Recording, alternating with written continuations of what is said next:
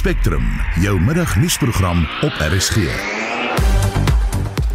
En vanmiddag se program, wat sou gebeur as ons die regering se benadering tot die kragkrisis volg? Solidariteit sê hy gaan nie wag om uit te vind nie.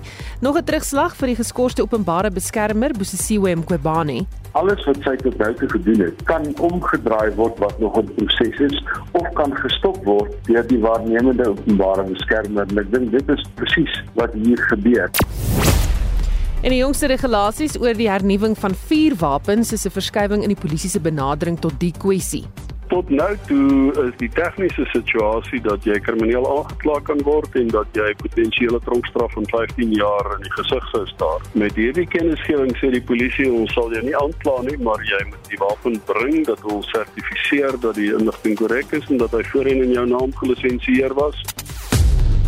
Die span vandag is redakteur Jamari Verhoef, produksieregisseur Johan Pieterse en ek is Susan Paxton.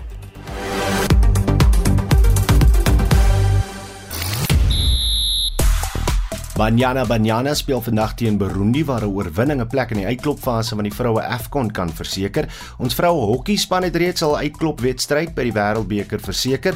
Rafa Nadal onseker of hy fik sal wees vir môre se mans enkelspel semifinaal by Wimbledon weens 'n maagspierbesering. En ons eie Isabella Creer vandag te sien in die meisieskwartfinale. Sy kom binne die volgende uur teen Kanada se Victoria Mboko te staan. 'n Volledige bulletin volg net na 12:30. Die top 3 gewilde onderwerpe op Twitter: Becky Cele, National Shutdown en SK Kosa. Dan 'n hitsmerk wat begin veld wen, World Chocolate Day. So as jy 'n verskoning soek om 'n sjokolade te eet, hier is jou kans. Dan ook Boris Johnson, die wêreld se oë is gerig op Downing Street 10 in Londen, waar die eerste minister binnekort na verwagting amptelik gaan bedank as die leier van die konservatiewe party. Ons hou dit uh, natuurlik dop die heeltyd en sodra dit gebeur gaan ons daardie nuus vir jou gee. Dan 'n verslag deur die Wêreldgesondheidsorganisasie het in 2016 reeds getoon dat sowat 31% van minderjarige kinders in Suid-Afrika alkohol misbruik. Tydens gister se begrafnisdiens vir die 21 kinders wat by die Enyobeni Taverne in die Oos-Kaap dood is, het president Cyril Ramaphosa gesê die regering wil veilige gebiede skep waar jong mense saam kan kuier. Hiermee saam het hy glo heelwat versoeke ontvang dat drank slegs aan diegene ouer as 21 verkoop kan word. Wat dink jy sal die hoë vlakke van alkoholgebruik en misbruik veral onder minderjariges hokslaan? Vertel bietjie vir ons praat saam. Stuur 'n SMS na 45889 teen R1.50 per boodskap. Stuur 'n WhatsApp stemnota na 0765366961 of jy kan ook op ons Monitor en Spectrum Facebook bladsy saampraat. Nou 8 minute oor 12 jy luister na Spectrum en dis 'n bykans of dis hierdie maand 'n jaar sedit die wêreld stom geslaan is deur tonele van geweld en plundering in KwaZulu-Natal en Gauteng. Die sogenaamde Julie onluste het plaasgevind in die naderdraai van die inhegtenisname van oud-president Jacob Zuma. Meer as 300 mense is dood en in Gauteng alleen is meer as 3,5 miljard rand se skade aangerig. Esie de Klerk doen verslag. Gas het uitgebreek toe skade op inkopiesentrums en sakeondernemings toegesak het. Eiendom is beskadig en afgebrand, voorraad is gebuit en miljarde rand se skade is aangerig. Wahid Khan is die bestuurder van 'n motorhandelaar in Jeppy Straat in Johannesburg. Hy roep die gebeure van Julie 2021. I remember this so clearly. I got a call at 6 in the morning to say, you know what, there's a story, the garage is burning. By the time I got here, there was probably like 10 cars that were stolen. There was already maybe four or five cars that, probably five cars that were burning already. All of my other cars have all been vandalized, which was another 19 cars. Kaan moes 'n insleepmaatskappy bel om die motors te kom verwyder. Dit het om R30000 uit die sak gejaag. The people's mentality at that time was, ah, the people are insured, they'll get money. I was not insured. Let's say I am not insured because now there's no insurance company that wants to cover Duke Street. Because it's a every year or every second year issue. They say that the area is too high risk. They will not cover. Sy ander motorhandelaar in dieselfde straat het gesluit. Sy pogings om geld van die regering te kry om te help om weer op sy voete te kom, het op niks uitgeloop nie. It's a loss that will take years to recover because you sell one car you're making six or seven thousand rand profit. Now you've got a loss of over 1.2, 1.5 million rand. How many seven thousands would it take you to cover 1.5 million rand? Al die voorraad, yskaste en 'n kluis is gebyt by 'n bekende kruidenierswinkel, Plus Supermarket in Pimville, Soweto. Die werknemers Israel Rasdin en John Vincent sê hulle het 'n maand lank geen salaris verdien nie. And we have families, you see, to support. So yeah, too much painful because we are not getting any money. There was no salary, and then yeah. Even we try to speak to the head office that please guys, they try to help us. That but there's no way because we don't know. Loyiso Jantjies van die Gautengse Ekonomiese Ontwikkelingsdepartement sê sowat 100 miljoen rand is bewillig aan sakeondernemings vir die herstel van skade wat aangerig is. Talle eienaars van sakeondernemings sê hulle vrees dat onrus weer sal uitbreek. Die verslag is saamgestel deur Tsepo Pagani. Ek is Estie de Klerk vir SAK nuus. Ons bly by die storie Luitenant-generaal Ntlandlam Konasi, die provinsiale polisiekommissaris in KwaZulu-Natal sê, indien daar weer 'n dreigement van soortgelyke geweld is, sal hy verseker dat 'n noodtoestand afgekondig word en dat kommunikasie onderskep word sodat mense nie sosiale media kan gebruik om onluste aan te vuur nie. Mkonasi het die voorstel verlede jaar gemaak, maar dit is toe nie toegestaan nie. Hy sê die keer sal hy en die polisiediens gereed wees. Ons praat nou met 'n onafhanklike misdaadontleder Dr. Johan Burger. Goeiemôre Johan. Goeiemiddag. Die 9de Julie sal dit 'n jaar wees sedert die onluste uitgebreek het. Wat is al gedoen sedert dan? Is mense in hegtenis geneem? Weet ons al presies wie agter die onluste gesit het? Wel, ek dink dis een van die probleme, nee, daar's nie genoeg kommunikasie uh, na die publiek toe oor hierdie goed nie, maar ons weet uit die minister se getuienis, minister van polisie se getuienis voor die uh, menseregte kommissie in Februarie was daar 19 mense gearresteer. Ehm uh, ek dink twee of drie van hulle is intussen vrygelaat. Die klagtes teen hulle is laat vaar. Die ander oorblywende ehm um, 16 of 17 is tans uit op uh, borgtog en uh, hulle behoort uh, eersdaags in die hof te verskyn. So daai daai proses is aan die gang, maar ons sal graag meer kommunikasie daaroor wou hoor. Die provinsiale kommissaris sê hulle is gereed vir soortgelyke onluste en die eerste ding wat hy sal doen is om kommunikasiemiddels af te sny. Wat dink jy van die strategie? Wel dit is uh, ek dink 'n goeie strategie, jy weet in in die mate wat dit tegnologies uh moontlik is om om dit te doen. Ek ek seker dit kan gedoen word. Uh as as daar aanduidings is dat uh hierdie tipe kommunikasie vir ondermynende en onwettige aktiwiteite gebruik word, sekerlik sal mense dit ondersteun. Jy weet jy daai weer kan toemaak dan maak jy hom toe. Ehm uh, jy weet dan jy moet kyk na die prys wat die land moet gaan betaal as jy nie daardie stappe doen nie en en hierdie klas van goed vind plaas. Ons het nou gesien in Junie byvoorbeeld. Uh hierdie hierdie jaar uh, net so 'n maand terug waar die waar daar net selfs net op sosiale media gerugte was van 'n sogenaamde national shutdown. Ehm uh, en daar het die polisie baie baie vinnig gereageer anders as wat die geval was in hierdie verlede jaar. So ek ek dink almal besef, jy kan nie die foute van Julie 2021 herhaal nie. Hm. Die minister van polisie en die manier hoe hy sake benader en hanteer tans, boesem dit vertroue in. ek ek moet sê dit nie reg nie. Jy weet ek dink sy ontploffende reaksie ehm um, wanneer was dit Dinsdag daar in Kailicha uh, 'n mens verstaan weet hy is onder geweldige druk op die oomblik. Uit uit uh, alle oorde uit weet met misdaad wat styg geweldpleging wat uh, wat styg en en lyk asof die polisie nie hierdie goed onder beheer kan kry nie. En dit lyk nie asof hy uh, die vermoë het om die regte ehm uh, die polisie in die regte rigting te stuur nie. Ehm um, dra hierdie blame oral waar hy kry. In die parlement kry dit in die media kry dit. As hy by uh, in die openbaar optree kry dit en en ek dink jy weet die die die bom het natuurlik gebars Dinsdag. So ongelukkig in hierdie stadium lyk dit vir my ehm um, boeze my baie baie duidelik nie uh die soort van vertroue in by die publiek wat 'n mens by uh, 'n uh, polisieminister sou verwag gegee die omstandighede en die uitdagings waarmee ons uh, tans te maak het nie. Baie dankie. Dit was 'n onafhanklike misdaadontleder Dr. Johan Burger. Solidariteit sê hy gaan nie wag op die regering om die kragkrisis in die land om te keer nie. Die vakbond het vanoggend 'n verslag bekend gestel waarin dit aan die lig kom dat die huidige pogings om beerkrag teen te werk die land nie ver gaan bring nie.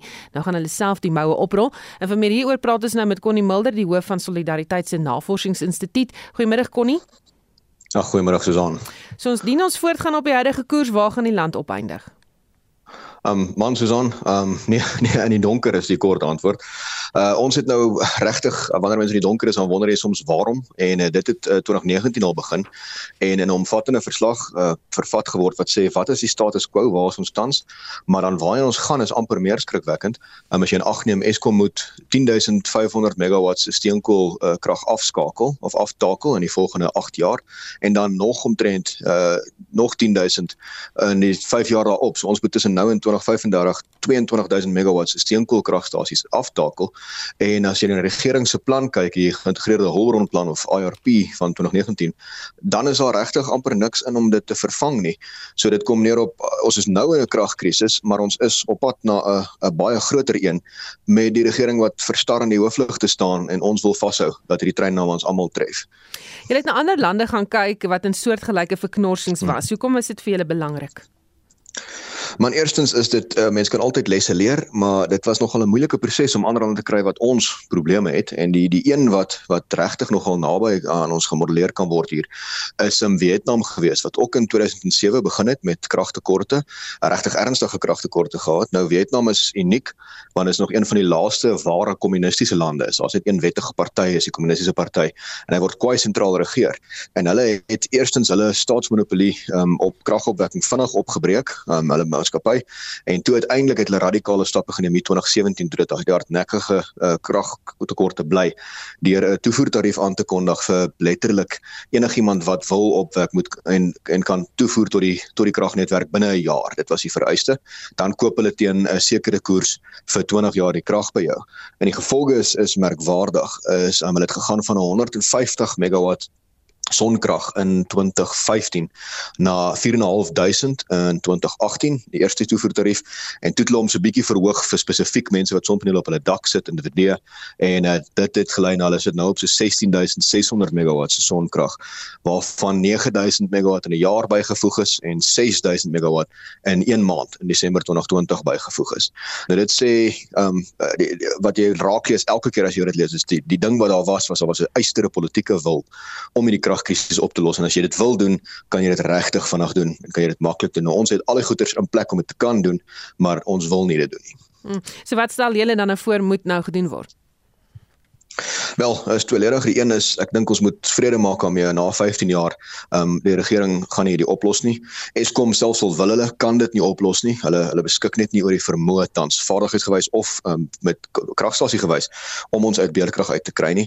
So ons eerstens doen 'n doen 'n oproep op uh, almal, enigiemand wat wil krag opwek, honderde kragopwekkers doen aansoek vir hierdie permitte by NERSA. Dis oopgemaak deur die president laas jaar. Die proses is nog volgens ons baie te baie te lomp en hopeloos te omvattend vir 'n permit. Dit moet eintlik 'n aanlyn portaal wees waar jy net registreer ek wil krag verkoop. Um maar ons soek uh sonpanele op elke winkelsentrum se dak, op elke huis se dak, op elke uh, boer se plaas ergens dat ons so ver as moontlik kragopwekking desentraliseer. En ons sê nie net dit nie, um die tweede deel is aan ons gaan nou self uh, toetree tot kragopwekking en verkoop deur ons eiendomsbeleggingsmaatskappy Kanton. Ons het uh, reeds met hulle gepraat en ons gaan begin belê daarin om self op ons instellings uh krag op te wek en te begin verkoop aan die uh, aan die netwerk. Um ten einde dan nou hier seker te maak ons gooi net 'n stroom uh kragopwekkers op hierdie prosesse en ons spoel hierdie bottelnekke uit uh, dat ons net ons kan vraggies nie meer in die donker sit teen 2024 of 2025 soos wat ons tans aangaan nie. Baie dankie dit was Connie Mulder die hoof van Solidariteit se Navorsingsinstituut. President Cyril Ramaphosa sê alkoholmisbruik onder die jeug gaan die land se toekoms verwoes. Ramaphosa het tydens die massa-begrafnis van die slagoffers van die Enjonbeni Taverne tragedie in Oos-London gepraat. Hy het onder meer gesê daar moet beter polisieering wees van onwettige tavernes en hy het namens die regering onderneem om geriewe op te rig waar jong mense veilig kan kuier. Die dekaan van die departement geesteswetenskappe by Akademia, professor Pieter Dievenaar gesê, hy maak dalk beloftes wat hy nie kan nakom nie. My eerste reaksie is uh, natuurlik was dit 'n tragedie en is dit goed as die president daar is en dat hy namens die regering daar is, maar dan moet 'n mens jou tog afvra as die president beloftes maak, dan moet daardie beloftes met verantwoordelikheid gemaak word. En ons weet nou al in hierdie stadium dat die regerende party, die ANC, het 'n lang geskiedenis om retories baie goed te wees, nê, om woorde te kan gebruik, maar die werklike vraag is wat van die dade, wat van handeling? En dit is goed om aan die een kant beloftes te maak, maar het ons 'n regering wat daardie beloftes ook in handeling kan omskep? En dit is hoekom baie keer die beloftes van die regering deur die burgers nie net in Oos-London nie maar ook elders met skeptisisme begroet word. Maar die vraag uit verskillende oorde nou is of dit die regering se plig is om seker te maak dat kinders plekke het waar hulle veilig kan verkeer en as te ware kinders te moet oppas. Die wena gesê hierdie oplossing is nie behoorlik deurdink nie.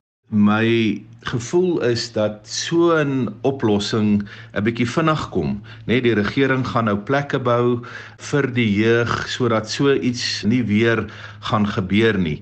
Ek dink dit is 'n bietjie 'n vinnige oplossing en 'n vinnige belofte want 'n mens sal moet kyk na wat is die werklike kwessies wat onderliggend is tot die situasie van die jeug in die townships vandag as mens dit so kan stel.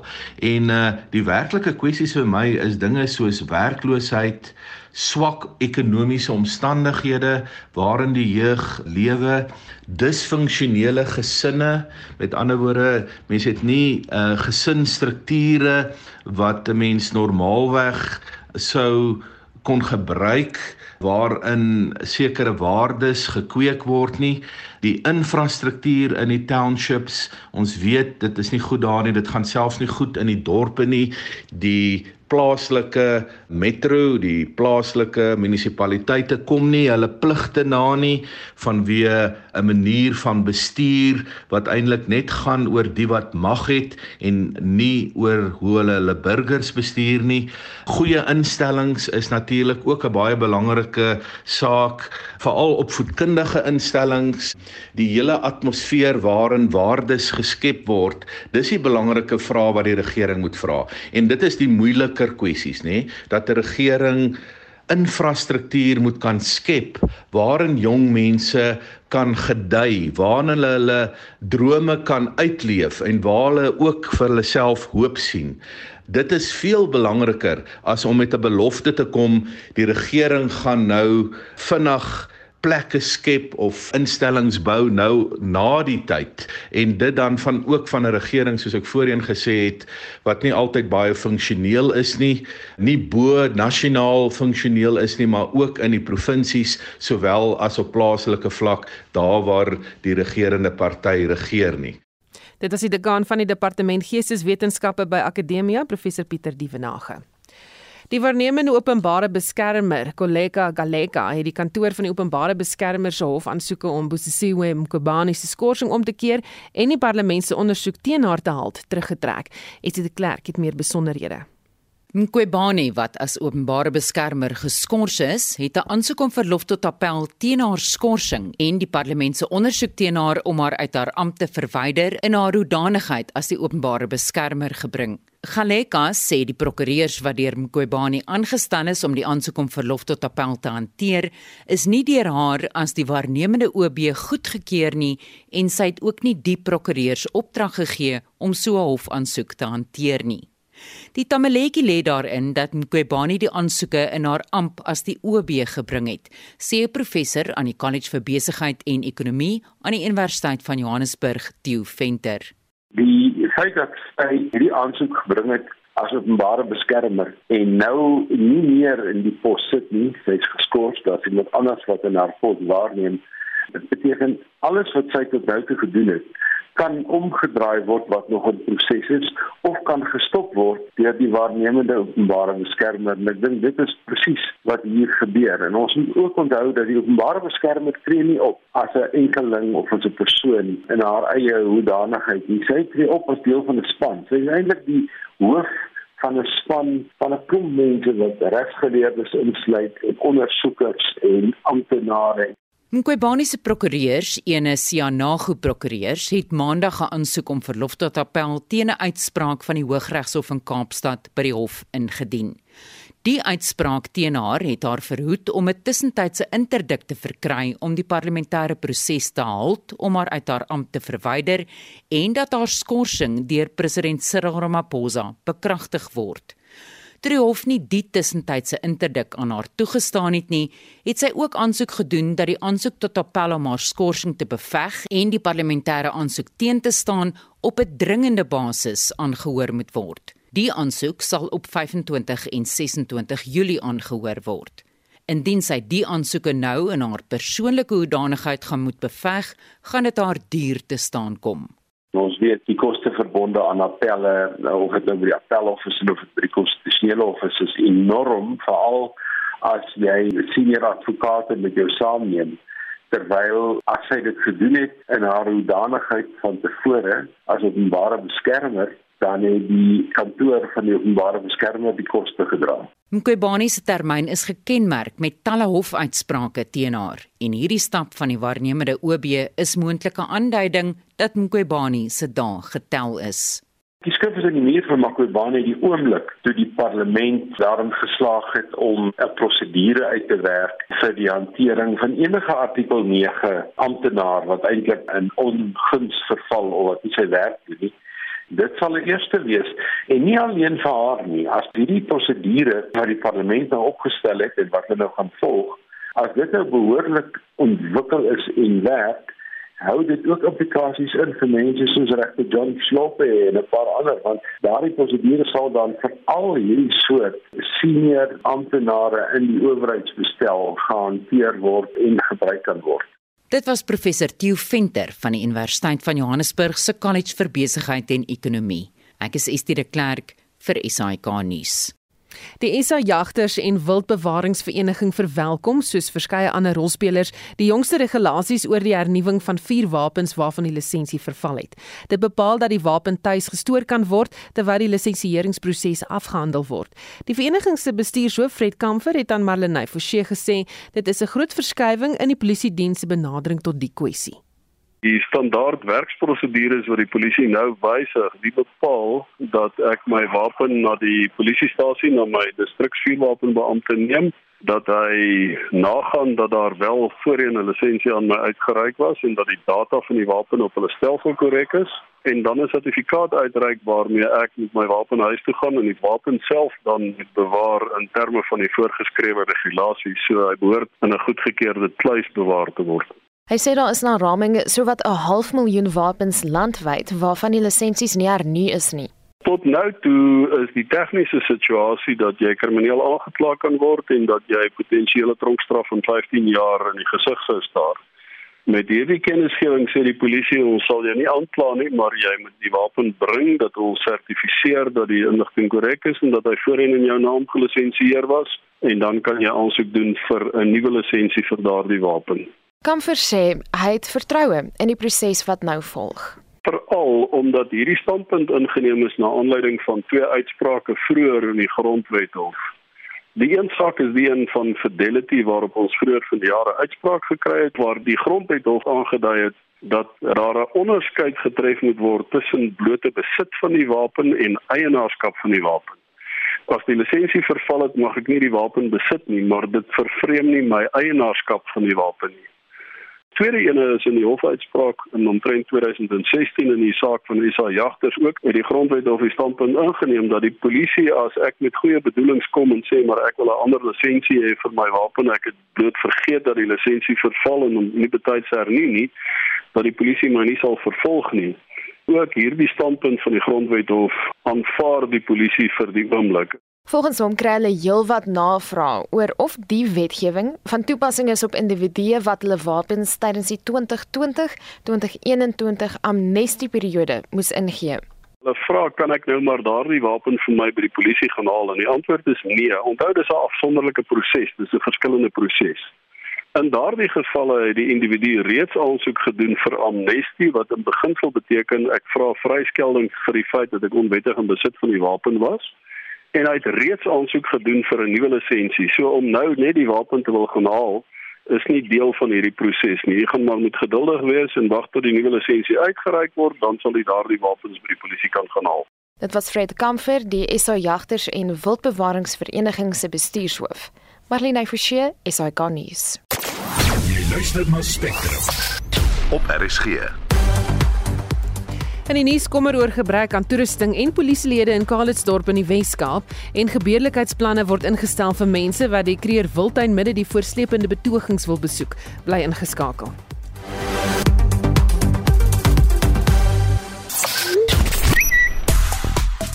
Die Hitsmerk World Chocolate Day se gewildheid neem by die minuut toe, maar op 'n ernstiger noot. Gons gebruikers behoorlik oor die Britse premier Boris Johnson. Hy gaan na verwagting eerder amptelik bedank as leier van die konservatiewe party, dit nadat nog ministers van die kabinet vanoggend bedank het. Hy bly egter premier tot die Britse herfseisoen en ons hou die skerms hier in die ateljee dop om vir jou die jongste te bring. Hmm. En jy nou gepraat van daardie sjokoladedag, dis Johan Marx van Pretoria vra so watter tipe sjokolade behoort mens tydens beerdkrag te eet? Hy sê donker sjokolade, so 'n bietjie grappie daar. Nog gedink hy gaan sê. Goed, dan praat ons natuurlik oor uh, die misbruik van alkohol onder die jeug. Um Anna wat sê gewese alkoholiste moet skole toe gaan en gaan bely, kree en die waarheid vertel. Samuel sê minderjariges sal nie ophou drink nie, niks sal hulle keer nie.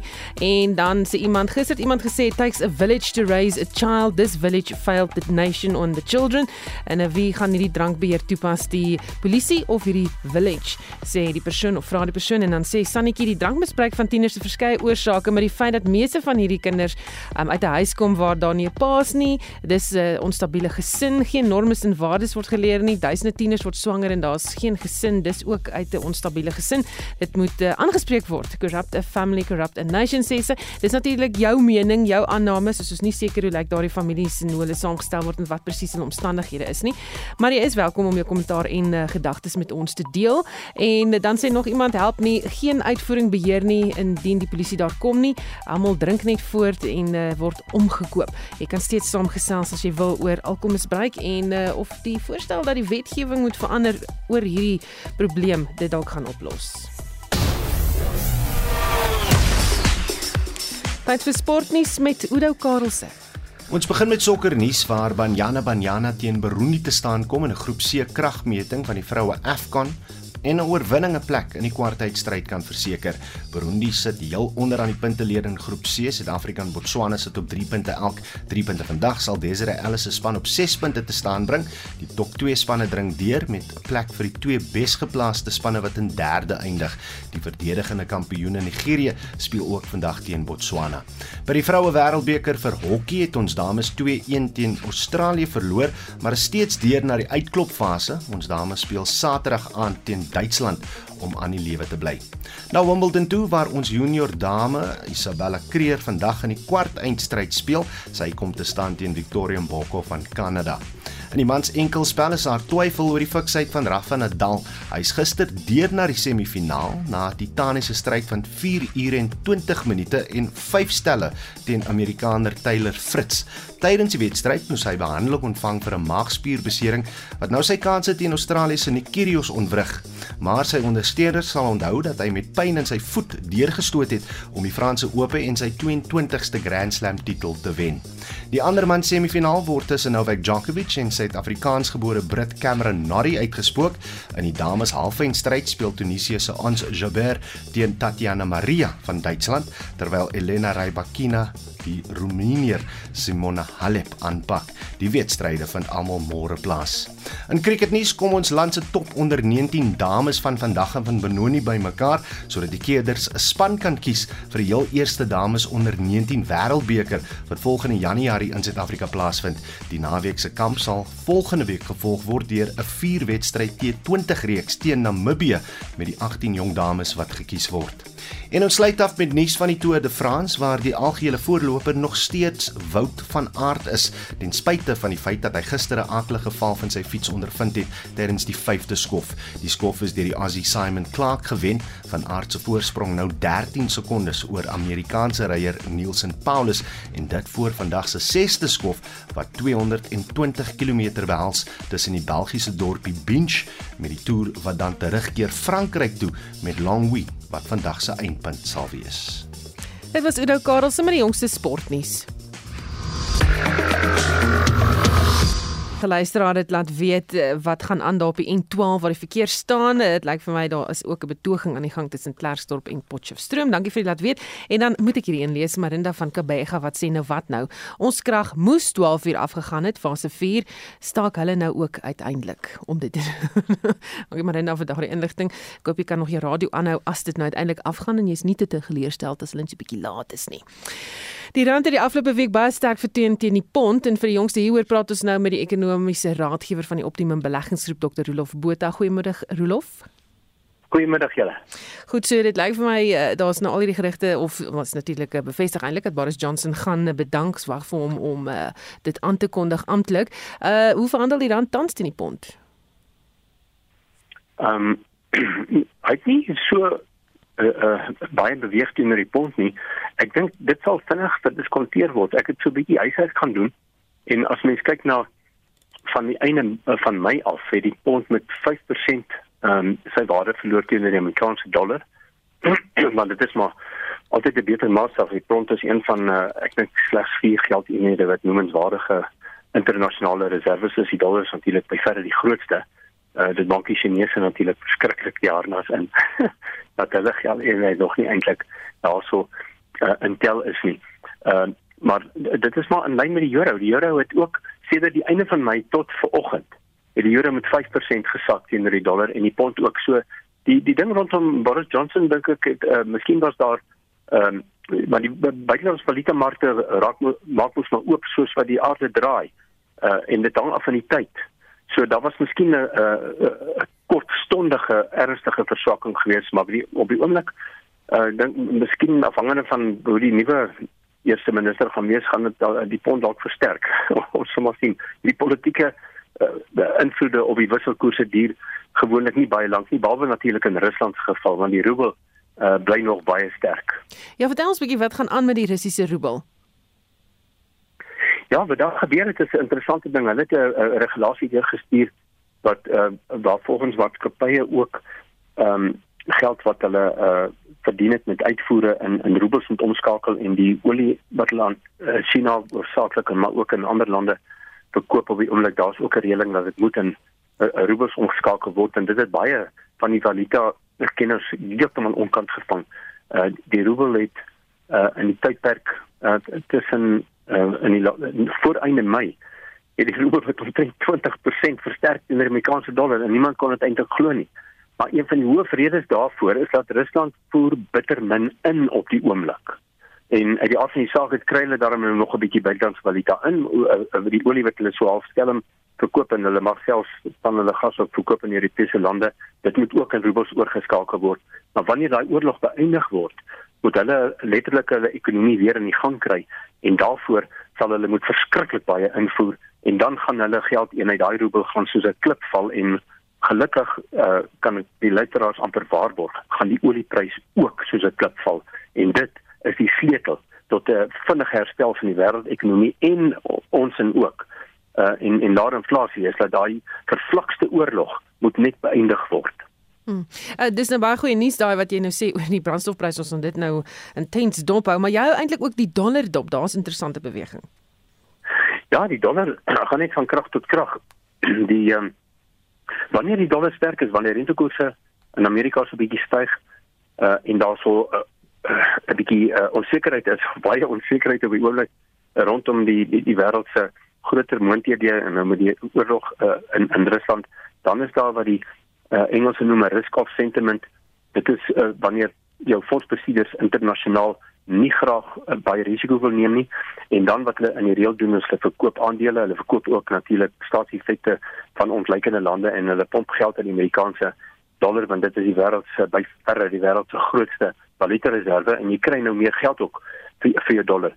Ehm um, die die uh, Amerikaanse beurs, die S&P 500 uh, beurs indeks het met 24% gesak uh in in die laaste paar weke. Dit is die uh, grootste verswakking in 50 jaar en die rentekoersverhoging deur die Amerikaanse federale federale reserveraad wat nou onlangs aangekondig is van 75 basispunte dis 'n 3 kwart van 'n persentasiepunt uh was die hoogste in ek dink amper 40 jaar. So dit is uh, die die wêreld is op die oomblik maar de mekaar. Is nie, nie net Suid-Afrika wat probleme het nie. Daar's feitelik elke land in die wêreld wat baie swaar kry as gevolg van hoë rentekoerse, hoë inflasie, tekorte natuurlik ook aan olie en ander produkte. Baie dankie. Dit was die ekonomiese raadgewer van die Optimum Beleggingsgroep, Dr. Rolof Botha. Die DA in die Kannaland munisipaliteit in die Wes-Kaap sê hy wil ingryp om die agteruitgang van polisiestasies in die munisipaliteit te stuit. Die hoof van die party se kiesafdeling, Eleanor Spies, het onlangs besoek afgelê aan die polisiestasie op Kaalitsdorp. Sy het aan Marlenae Forsie gesê die omstandighede daar is kommerwekkend. Daar is verskriklike baie misdaad in die area, maar hulle kan nie regtig waar die gemeenskap diens nie want hulle het nie die kapasiteit of die infrastruktuur nie. Dit is nou menslik en ook in terme van vervoer. Uit vier voertuie wat daar moet wees vir hulle om te kan funksioneer, het hulle net een en die een wat hulle het is in vir herstel heidaglik. So hulle leen twee voertuie van Oudtshoorn. Haar kollega, Okiter Blanche, het besoek afgelê aan die polisiestasie in Oudtshoorn. Ook daar gaan dit nie goed nie. Die twee dorpe probeer met mekaar uithelp van hulle het nie ander keuse nie want hulle moet hulle funksies en verantwoordelike uitvoer. Maar dit is nie 'n situasie wat kan aanhou nie. Ek het kontak gemaak met die provinsiale minister Regan Ellen van gemeenskapsveiligheid en polisieering. Sy sê dit het hom onmiddellik beskikbaar gestel om besoek af te lê aan die twee dorpe.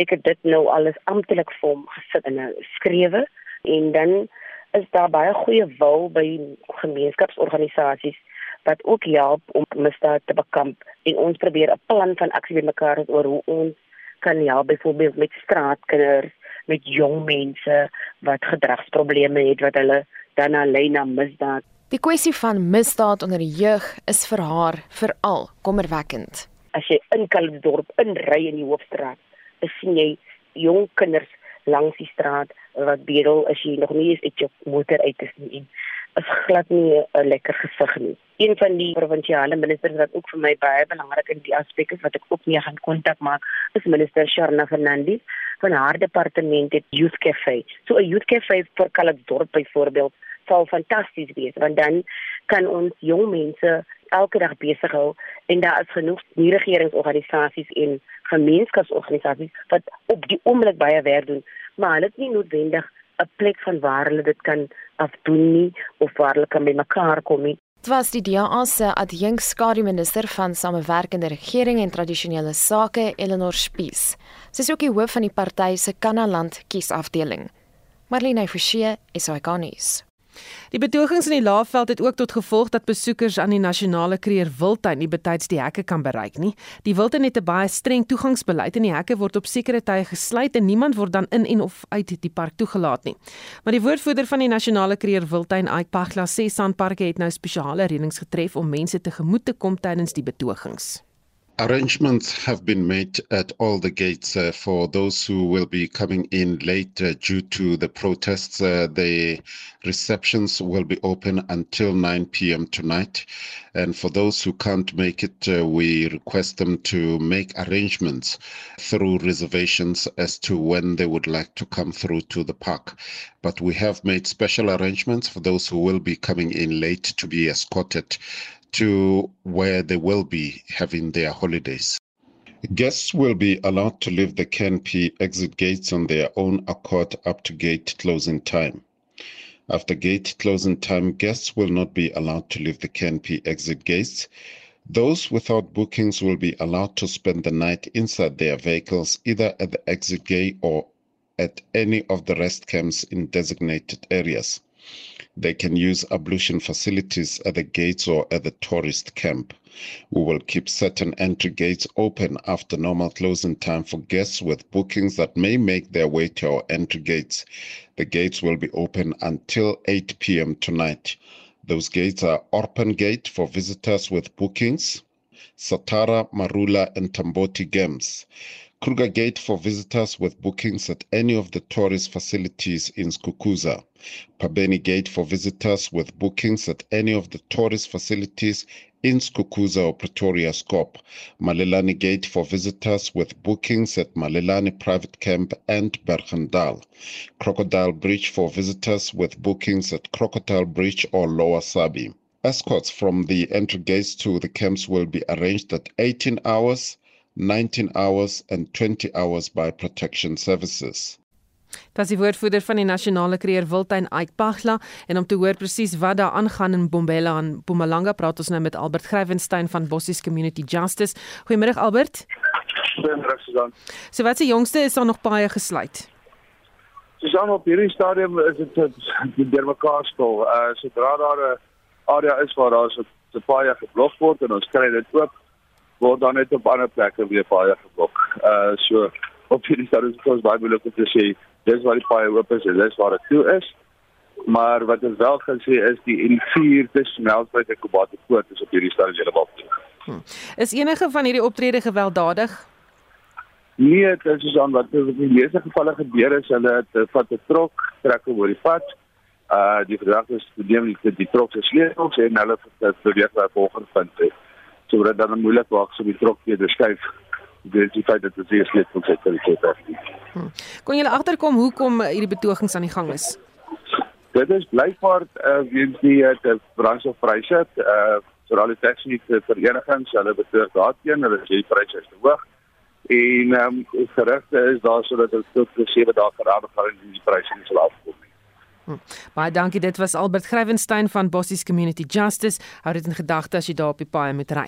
Ons het intussen vir Christo van der Rede teruggekry op die lyn. Christo, is jy daar? Middag Susan en middag aan al die luisteraars. Ons sê goed, julle oudjies kla oor hierdie beerdkrag en die impak op die sektor. Hoe presies word die boere se daaglikse werk met die beerdkrag beïnvloed? Kom ek vertel vir jou gou 'n storie uh, en ek deel op die luisteraars hierdie boodskap van 'n boer ontvang. Hy sê vir my ons brand 3000 liter per uur uit om ons pakhuise en koelkamers te laat loop. Teen R26 per liter is dit R78000 per uur. Nou jy kan jou indink uh, wat dit 'n uh, um, uh, enige landbou uh, boer of uh, landboumaatskappy kos om op te maak vir kragonderbrekings dit het 'n geweldige negatiewe impak op die bedryf op hierdie oomblik. Hmm. Ek het vroeër ook gehoor hoe hulle verduidelik het wat die invloed is op byvoorbeeld water. Ja, onthou uh, jy het jou uh, besproeiingsstelsels uh, vat so wat 10 uur om 'n volle siklus uh, te deurloop. Uh en as jy dan nuwe plante geplant het, uh, moet jy seker maak daai plante kry hulle water op tyd, kry hulle kunsmis op tyd. As dit nie gebeur nie, dan uh, uh verloor jy daai plante. Uh Uh daarmee saam uh gebruik boere baie krag om hulle verpakkingsaanlegte uh te laat loop uh en uh hulle kla oor uh, transformators wat breek uh allerlei masjinerie wat breek en dan moet daai parte ten duurste aangekoop word en uh jy weet terwyl hulle wag vir daai uh onderdele uh staan die masjinerie stil. En dan wil ek nie eens praat van die hele verkoelingsstelsel nie.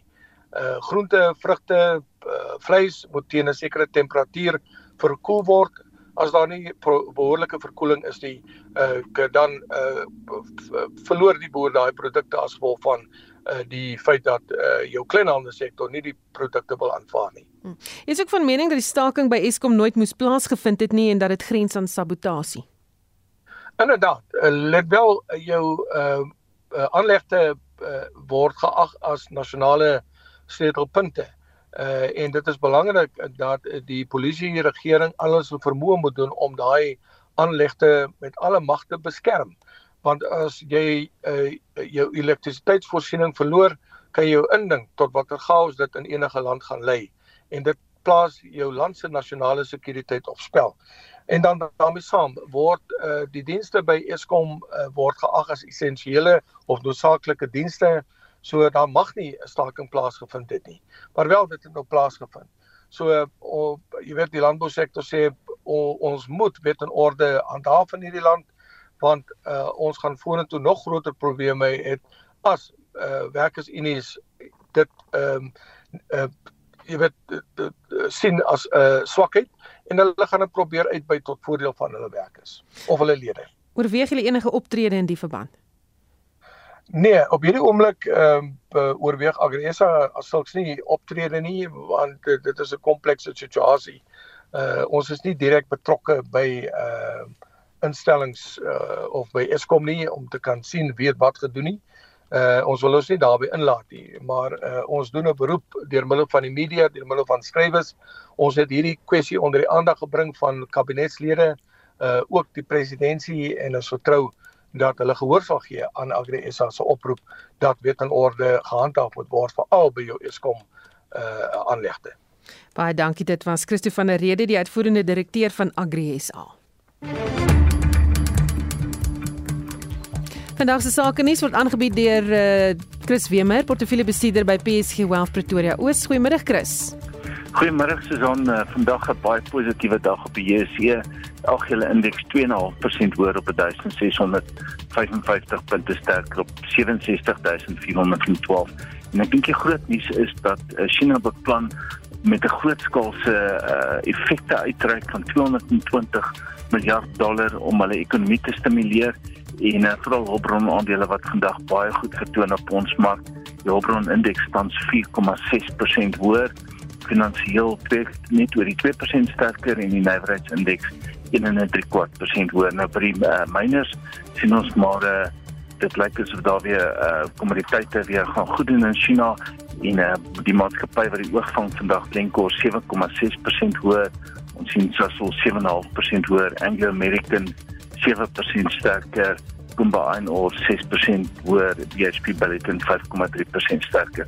So glad nie 'n slegte dag op die mark vir hulpbronmaatskappye nie. Die ander maatskappye nuus wat ons vandag het, is Mediclinic se prys tans 9,3% hoër op R95.49 en dit was nadat daar gerugte is dat uh, Remgro die Mediterranean Shipping Company hulle aanbod vir die maatskappy kan verhoog. So 'n redelike positiewe dag daar by die uh, by by by Mediclinic van die uh, finansiële aandele wat ons net hier sien die banke uh, First Trend 3% sterker ons sien Investec 2,3% hoër Standard Bank 2,2% sterker en Absa net so 2% sterker. So 'n heel positiewe dag op ons beurs in Europa ook. Die markte positief in Londen die FTSE 1,3% sterker, in Frankfurt die DAX 1,6% hoër en in Parys die CAC 1,6% sterker. Die rand bly maar nog steeds swak teenoor die dollar op R16.74. 'n Euro kos jou R17.6 en 'n pond nou R20.8. Goudprys op 1742 dollar per fyn ons um, en dan platinum op 859 dollar per ons en dan die Brent olieprys wat uh, eergister met meer as 10% teruggesak het vandag so marginaal hoër 101 dollar 60 per vat. So dit is nogal goeie nuus vir ons. Susan, dis al van my kant af vandag. Baie dankie. Chris Wemer, portefeuljebestuurder by PSG Wealth Pretoria Oos. Die Nysna Oesterfees het die afgelope naweek in die tuinroete afgeskom. Die geleentheid is die afgelope paar jaar weens die pandemie virtueel aangebied, maar nou word duisende besoekers weer in die dorp verwelkom vir 10 dae se pret en jolijt. Tanya Krause doen verslag. Dinge is weer terug na normaal by die Nysna Oesterfees. Die fietstoer was 'n groot trekpleister die afgelope naweek en die bosmaraton die komende naweek het reeds meer as 6000 inskrywings. Die burgemeester van Nysna, Leweel Duwys, sê na die verwoesting van die brande in 2017 en die ekonomiese insinking weens COVID-19, verrys die dorp nou weer uit die as. Nysna was deur 'n baie moeilike geskiedenis. Ons weet daar was die vure, ons weet COVID-19 het regtig 'n slegte impak op Nysna gehad. Op die einde van die dag, die fees is 'n teken van 'n opstanding, jy weet van herlewing vir Nysna en ek is baie bly dat ons se ekonomie 'n bietjie van 'n hupstoot kan kry. Die Oesterfees lyk vanjaar wel 'n bietjie anders as in die verlede. Daar is nie meer 'n sentrale punt vir stalletjies en vermaak nie. Die feeskoördineerder Andrew Finn sê besoekers word eerder aangemoedig om plaaslike ondernemings te ondersteun. Program actually features all our local businesses. So you can go from one business to another business and go and have your entertainment or shop or eat or drink at those businesses. And that's what we're focusing on this year. The only time we will be on a central venue will be for the registration of the Forest Marathon, which is just lots of people. So that's the emphasis, because we'd like our local businesses to benefit. Davis sê die fees bevoordeel ook plaaslike gemeenskappe deur 'n reeks aktiwiteite aan te bied en werksgeleenthede te skep.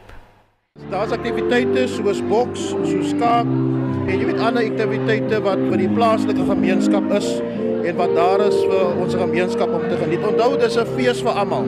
Dis nie vir sekere mense vir sekere hoekies of sekere plekke. Dit is vir die hele gemeenskap. Arm, ryk in die middel. Die National Oyster Festival is vir almal. Die ster en grootste trekpleister van die Nysna Oesterfees bly natuurlik die oester. Daar is soveel as 9 plekke in Nysna en Sedgefield waar die lekkerny geniet kan word. Ek is Tanya Krause op Nysna. Estie gee nou vir ons 'n oorsig oor die jongste nuus en ontwikkelende stories. Estie? Susan, die vakbond Solidariteit sê die regering kan nie die land se kragkrisis omkeer nie. En Connie Connie Mulder van Solidariteit se Navorsingsinstituut sê die vakbond gaan nou self mou oprol om 'n oplossing te bewerkstellig. Die oplossing lê in grootskaalse, kleinskaalse kragopwekking. Elke skool, huis, winkelsentrum, boer moet bydra tot die kragnetwerk op 'n manier. Daarom moedig ons alle kleinskaal kragopwekkers aan om aansoek te doen vir permitte dat ons daai bottelnekke oopstoot by Nersa en gaan solidariteit self betrokke raak by kragopwekking deur middel van ons eienaarsmaatskappy Kanton. Die waarnemende openbare beskermer, Koleka Galeka se kantoor het die hofaansoeke om BCCW Mqobani se skorsing om te keer en die parlement se ondersoek teen haar te halt teruggetrek. En dit is nadat Mqobani die hofaansoeke in haar hoedanigheid as OB gebring het, maar sy is geskort. Hier is die politieke ontleder Theo Venter. Die feit dat hy hierdie aansoek gebring het as openbare beskermer en nou nie meer in die pos sit nie, sy's geskort, dat iemand anders wat in haar pos waarneem, beteken alles wat sy tot nou toe gedoen het kan omgedraai word wat nog 'n proses is of kan gestop word deur die waarnemende openbare beskermer. En ek dink dit is presies wat hier gebeur. En ons moet ook onthou dat die openbare beskermer tree nie op as 'n enkeling of as 'n persoon in haar eie hoedanigheid nie. Sy tree op as deel van 'n span. En op die internasionale nuusfront berig die BBC dat Brittanje se eerste minister Boris Johnson na verwagting vandag as die leier van die konservatiewe konservatiewe party sal bedank. Hy sal egter steeds as eerste minister aanbly vir die volgende paar maande sodat die party 'n nuwe leier kan verkies. En dit volg nadat verskeie ministers gisterand en vanoggend uit die parlement bedank het nadat hulle aandring dat Johnson self moet bedank. Joseph Kironsioni van die Raad op Buitelandse Beleid in Washington DC sê hierdie verwikkelinge kan verrykende gevolge hê. This has immediate international repercussions. For one thing, it weakens the Western effort to support the Ukrainians in their war. Boris Johnson was a strong supporter of that effort. It's not just that he might no longer be the leader of the United Kingdom, it's that it will usher in weeks of uncertainty that could weaken British and perhaps European resolve. It starts to raise serious questions about the stability of the Western alliance. En om kwart voor 6 berig ons brandpuntspan oor die G20 beraad van buitelandse ministers in Bali, Indonesië en ook oor drie nuwe gevalle van back and closure wat in die Vrystaat aangemeld is. Dit was Estie met 'n oorsig oor vandag se nuus en ontwikkelende stories. 'n Luisteraar het laat weet dat 'n vragmotor omgeslaan op die N1 net buite Koelsberg op pad na Johannesburg. Die hele pad is vol en dit gaan 'n lang wag wees. Baie baie dankie vir daardie inligting. Ons groet namens ons uitvoerende regisseur Nicoline de Wee, die redakteur Jo Marie Verhoef en produksieregisseur Johan Pieterse. My naam is Susan Paxton. Geniet jou middag.